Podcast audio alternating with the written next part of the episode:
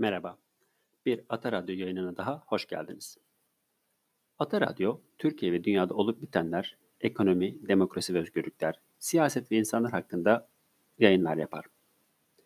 Yaptığımız işlere destek olmak istiyorsanız patreon.com üzerinde bulunan Ata Radyo 1923 adresini kullanabilirsiniz. Ayrıca herhangi bir konudaki görüş ve önerileriniz içinse Twitter üzerinden Ata Radyo 1923 hesabını kullanabilirsiniz. Ebedi ve ezeli yol göstericimiz Ulu Önder Mustafa Kemal Atatürk'ün fikirleri ve gösterdiği hedefe ulaşmak için yaptığımız çalışmalara sizler de en azından yayınlarımızın daha fazla kişiye ulaşması için paylaşırsanız seviniriz. Bu yayınımızda Falih Rıfkı Atay tarafından yazılan Çankaya adlı kitaptan Sivas Kongresi ile ilgili bölümü sizlere aktarmaya çalışacağız. Sivas Kongresi Erzurum Kongresi'nden sonra toplanması düşünülen bir kongredir. Sivas Kongresi'ni toplamak, hepsi kendi başına buyruk milli kuruluşları bir tek yönetim altına bağlamak, Milli Kurtuluş Hareketi'nin liderinin seçilmesi için çalışmak artık gerekli hale gelmiştir. Trakya Paşaeli Cemiyeti'nin davası neydi?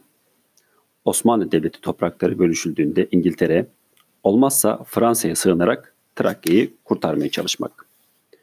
Şark Vilayetleri Müdafaa Hukuk Cemiyeti'nin programı bu vilayetlerdeki İslam ve, ve Hristiyan unsurların serbestçe gelişmelerini sağlamak, Müslüman halkın tarihi ve milli haklarını tanıtmak ve savunmak, yapılmış zulümlerin hesabını sormak, sorumlu, sorumlu olanları cezalandırmak, yakılıp yıkılmaları yerine koymanın çarelerini aramaktı.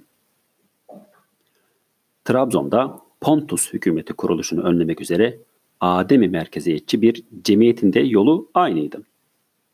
Batı'da Yunanlılara karşı çete savaşına girişenler kendilerini milli kurtuluşun kurucu ve yöneticisi saymaktaydılar. Sivas'ta vatan bütünlüğü ve bütün millet adına bir kongre toplamaya karşı olanlar çoktu.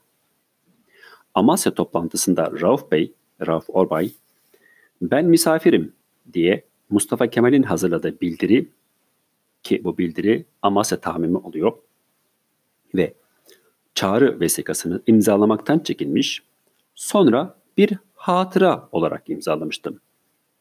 Refet Bey, Refet Bele ise önce reddetmiş, Ali Fuat Cebesoy'un ısrarı üzerine belli belirsiz bir imza koymuştu. Balıkesir'deki Karasi Saruhan Havalisi Hareketi Milliye ve Reddi İlhak Cemiyeti Kongre Başkanı Hacı Muhittin Sivas'a delege yollamak daveti üzerine ne kuvveti var bunların?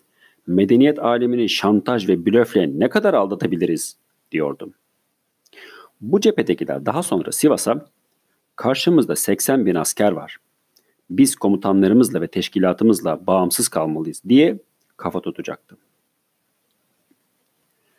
Yani sevgili dinleyiciler, Sivas Kongresi, Erzurum Kongresi veya yapılan diğer adımlar zannedildiği gibi çok da kolay olmadı. Bin bir türlü badire, herkesin düşüncesini alma ve herkesi tek tek tek tek ikna ederek bu kongreler toplandı. İnsanlar ikna edildi. İnsanlara anlatıldı. Tek kurtuluş yolunun topyekün bir savaş, top, topyekün bir karşı çıkma olduğu anlatıldı ve hepsinin onayı alındı.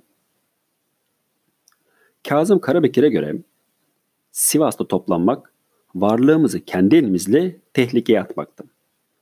Yeni bir kargaşalığa sebep olacaktık. Erzurum Kongresi kararları ile yetinmeliydik. Barış esasları anlaşılıncaya kadar da hiç kımıldamayarak sabretmeliydik. İşgal kuvvetleri ile İstanbul hükümeti de kongreyi toplatmamak için el birliği etmişlerdi.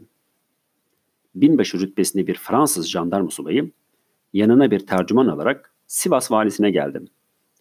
Eğer burada kongre toplanırsa Fransızlar Sivas'ı işgal edecekler dedi.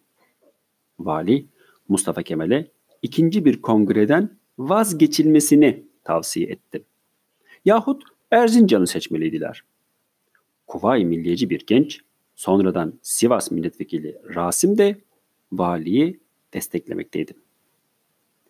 Mustafa Kemal, İngilizlerin Samsun'u topa tutmak, 10 güne kadar yeni işgaller yapmak şantajıyla kendi çalışmalarına engel olmak istediklerini hatırlatarak bu blöflere kulak asmamaları yanıtını verdi.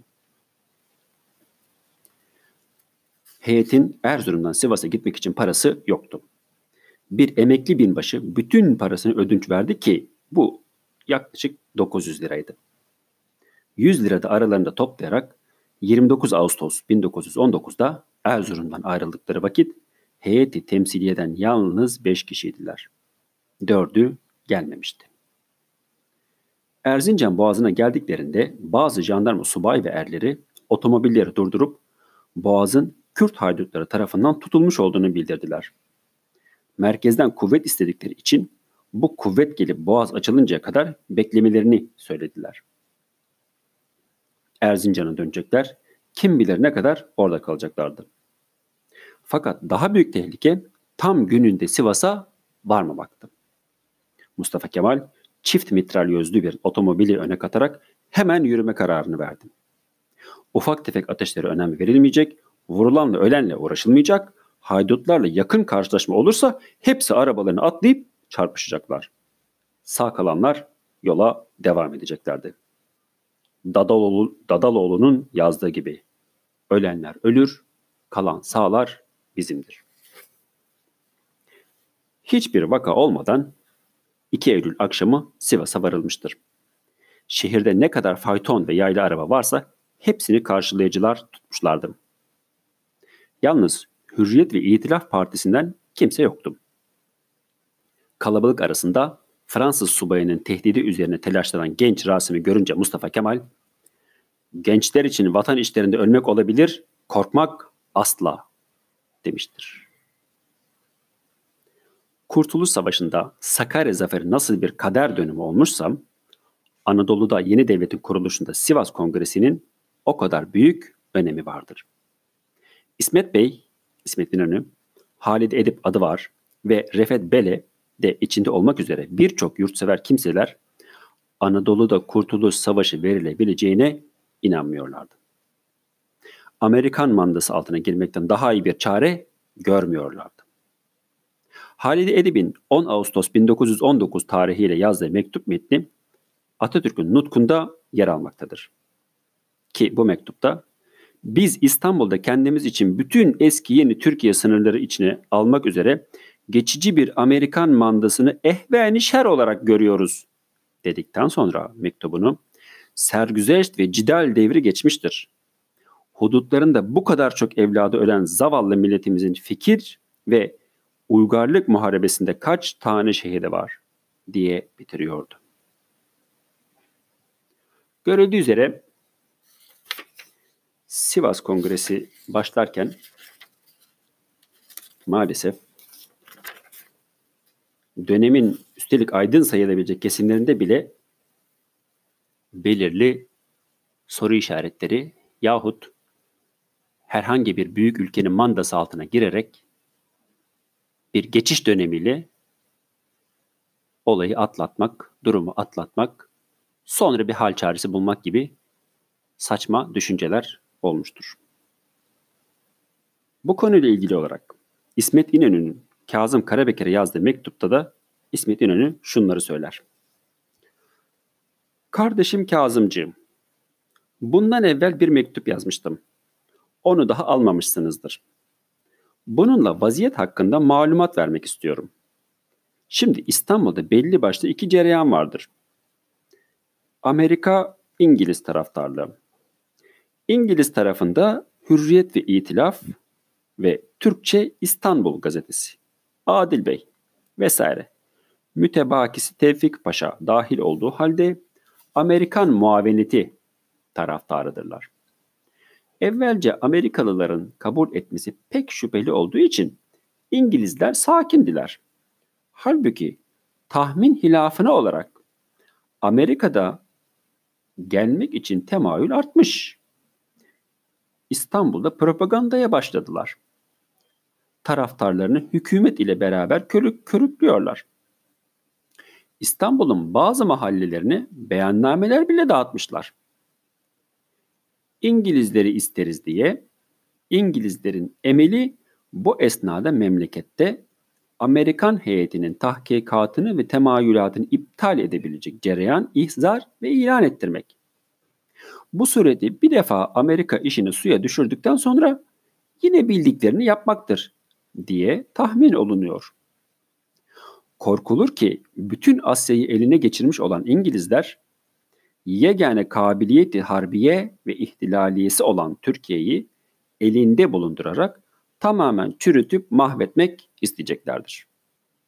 Eğer Amerika'nın gelmesi suya düşerse İngilizler için bugünkü Taksim vaziyetini teşvik etmekten başka yapılacak bir şey yok gibidir. Ki İngilizlere diğerleri bu hususta muavenet edecekler, muhalefet etmeyeceklerdir. Diğerlerden kasıt diğer büyük devletler işte Fransa gibi. Eğer Anadolu'da halkın Amerikalıları herkese tercih ettikleri zemininde Amerika milletine müracaat edilse pek ziyade faydası olacaktır. Deniyor ki ben de tamamıyla bu kanaatteyim. Burası önemli sayın dinleyiciler. İsmet Paşa, İsmet İnönü dahi o dönemde Amerikan mandasını savunan bir görüş, bir düşünce içerisindedir. Bütün memleketi parçalamadan Amerika'nın murakabesine yani kontrolüne tevdi etmek, yaşayabilmek için yegane ehven çare gibidir. Fakat bugün bu kanaatin kıymeti onun ihzarındadır. Avrupa'nın, Amerika'nın pazarlık ettikleri bir zamanda Amerika aleyhine bir koz gösterilmemektedir. Sen Erzurum'a giderken korkuyorum ki seni bir şeye karıştıracaklar demiştin. Evimden dışarı çıkmadım ve hiçbir şeye karışmadım. Fakat muhitim karıştı. Ben karıştırmadım da ne oldu? Hiç. Şurayı askeri teşkil ettiklerini ve beni oraya tayin ettirdiklerini bildirdiler. Bir hafta sonra affettiklerini söylediler. Kim istemişti? Sonra ne sebeple affettiler? Bilen ve söyleyen yoktur. Anadolu'ya silah ve cephane giderse ben gönderirmişim. Hep ben idare edermişim. Adil Bey'in kanaati bu. Merhumun her bildiği böyleyse vay milletin başına. Yani burada İsmet İnönü ben böyle şeyler yapmıyorum, ben göndermiyorum ki demek istiyor. Dahili nifak, hükümetle millet arasındaki iftirak en soysuz, en alçak kısmın idare başında bulunması gibi ahvalin memleketi daha nice felaketlere süreceğine şüphe yoktur. Anadolu'da anarşi günden güne artıyor. Hükümetsizlik her gün daha ziyade tebarüz ediyor. Bu hal yalnız başına bir felakettir. En muktedir, en temiz insanlar bu anarşi senelerce tedavi ve mahvolan nüfuzu hükümeti de iadeye teşebbüs etseler muvaffakiyetleri şüphelidir. İşte bu başarının başarıdan şüphe eden kişiler o başaran kişi karşısında sonradan çok çok pişman olacaklardır ki başarıyı sağlayan da Mustafa Kemal Atatürk'tür. Bilakis tutulan sakim yolun inat ve ısrarla takibinden mütevellit netayiç bakalım ne olacaktır? Yani ne gibi sonuçlar elde edecektir? İşte biz evimizde hiçbir kimse ve hiçbir şeyle alakadar olmaksızın hükümetin kanaatine rağmen ahvali böyle teessürle görüyoruz. Dilhun oluyoruz. Duadan başka elimizden bir şey gelmez. Malatya'dan bana Malatya mebusluğunu teklif ediyorlar. Sen ne dersin? Gözlerinden öperim, seni bağrıma basarım sevgili kardeşim Kazımcığım. İsmet. Mektup bu. Gördüğünüz üzere İsmet Paşa dahi o dönemde ülkenin belirli büyük bir devletin kontrolüne girmesini, bir manda olmasını gayet normal gören insanlardan biri. Mustafa Kemal Atatürk'ün ileri görüşlülüğü ve yapmak istediklerinin ne kadar diğerlerinin hayallerinden bize uzak yerlerde olduğunu sanırım bu mektup bir kez daha gösteriyor. Şimdilik bu kadar. Sivas Kongresi ile ilgili bir başka yayınımızda tekrar görüşmek üzere. Umarım yazdıklarımızdan, söylediklerimizden, anlattıklarımızdan hepimiz dersler alır ve bunları paylaşarak insanların daha bilinçli şekilde bilgi ve görüş sahibi olmalarına yardımcı olursunuz. Dinlediğiniz için çok teşekkür ederim. İyi günler.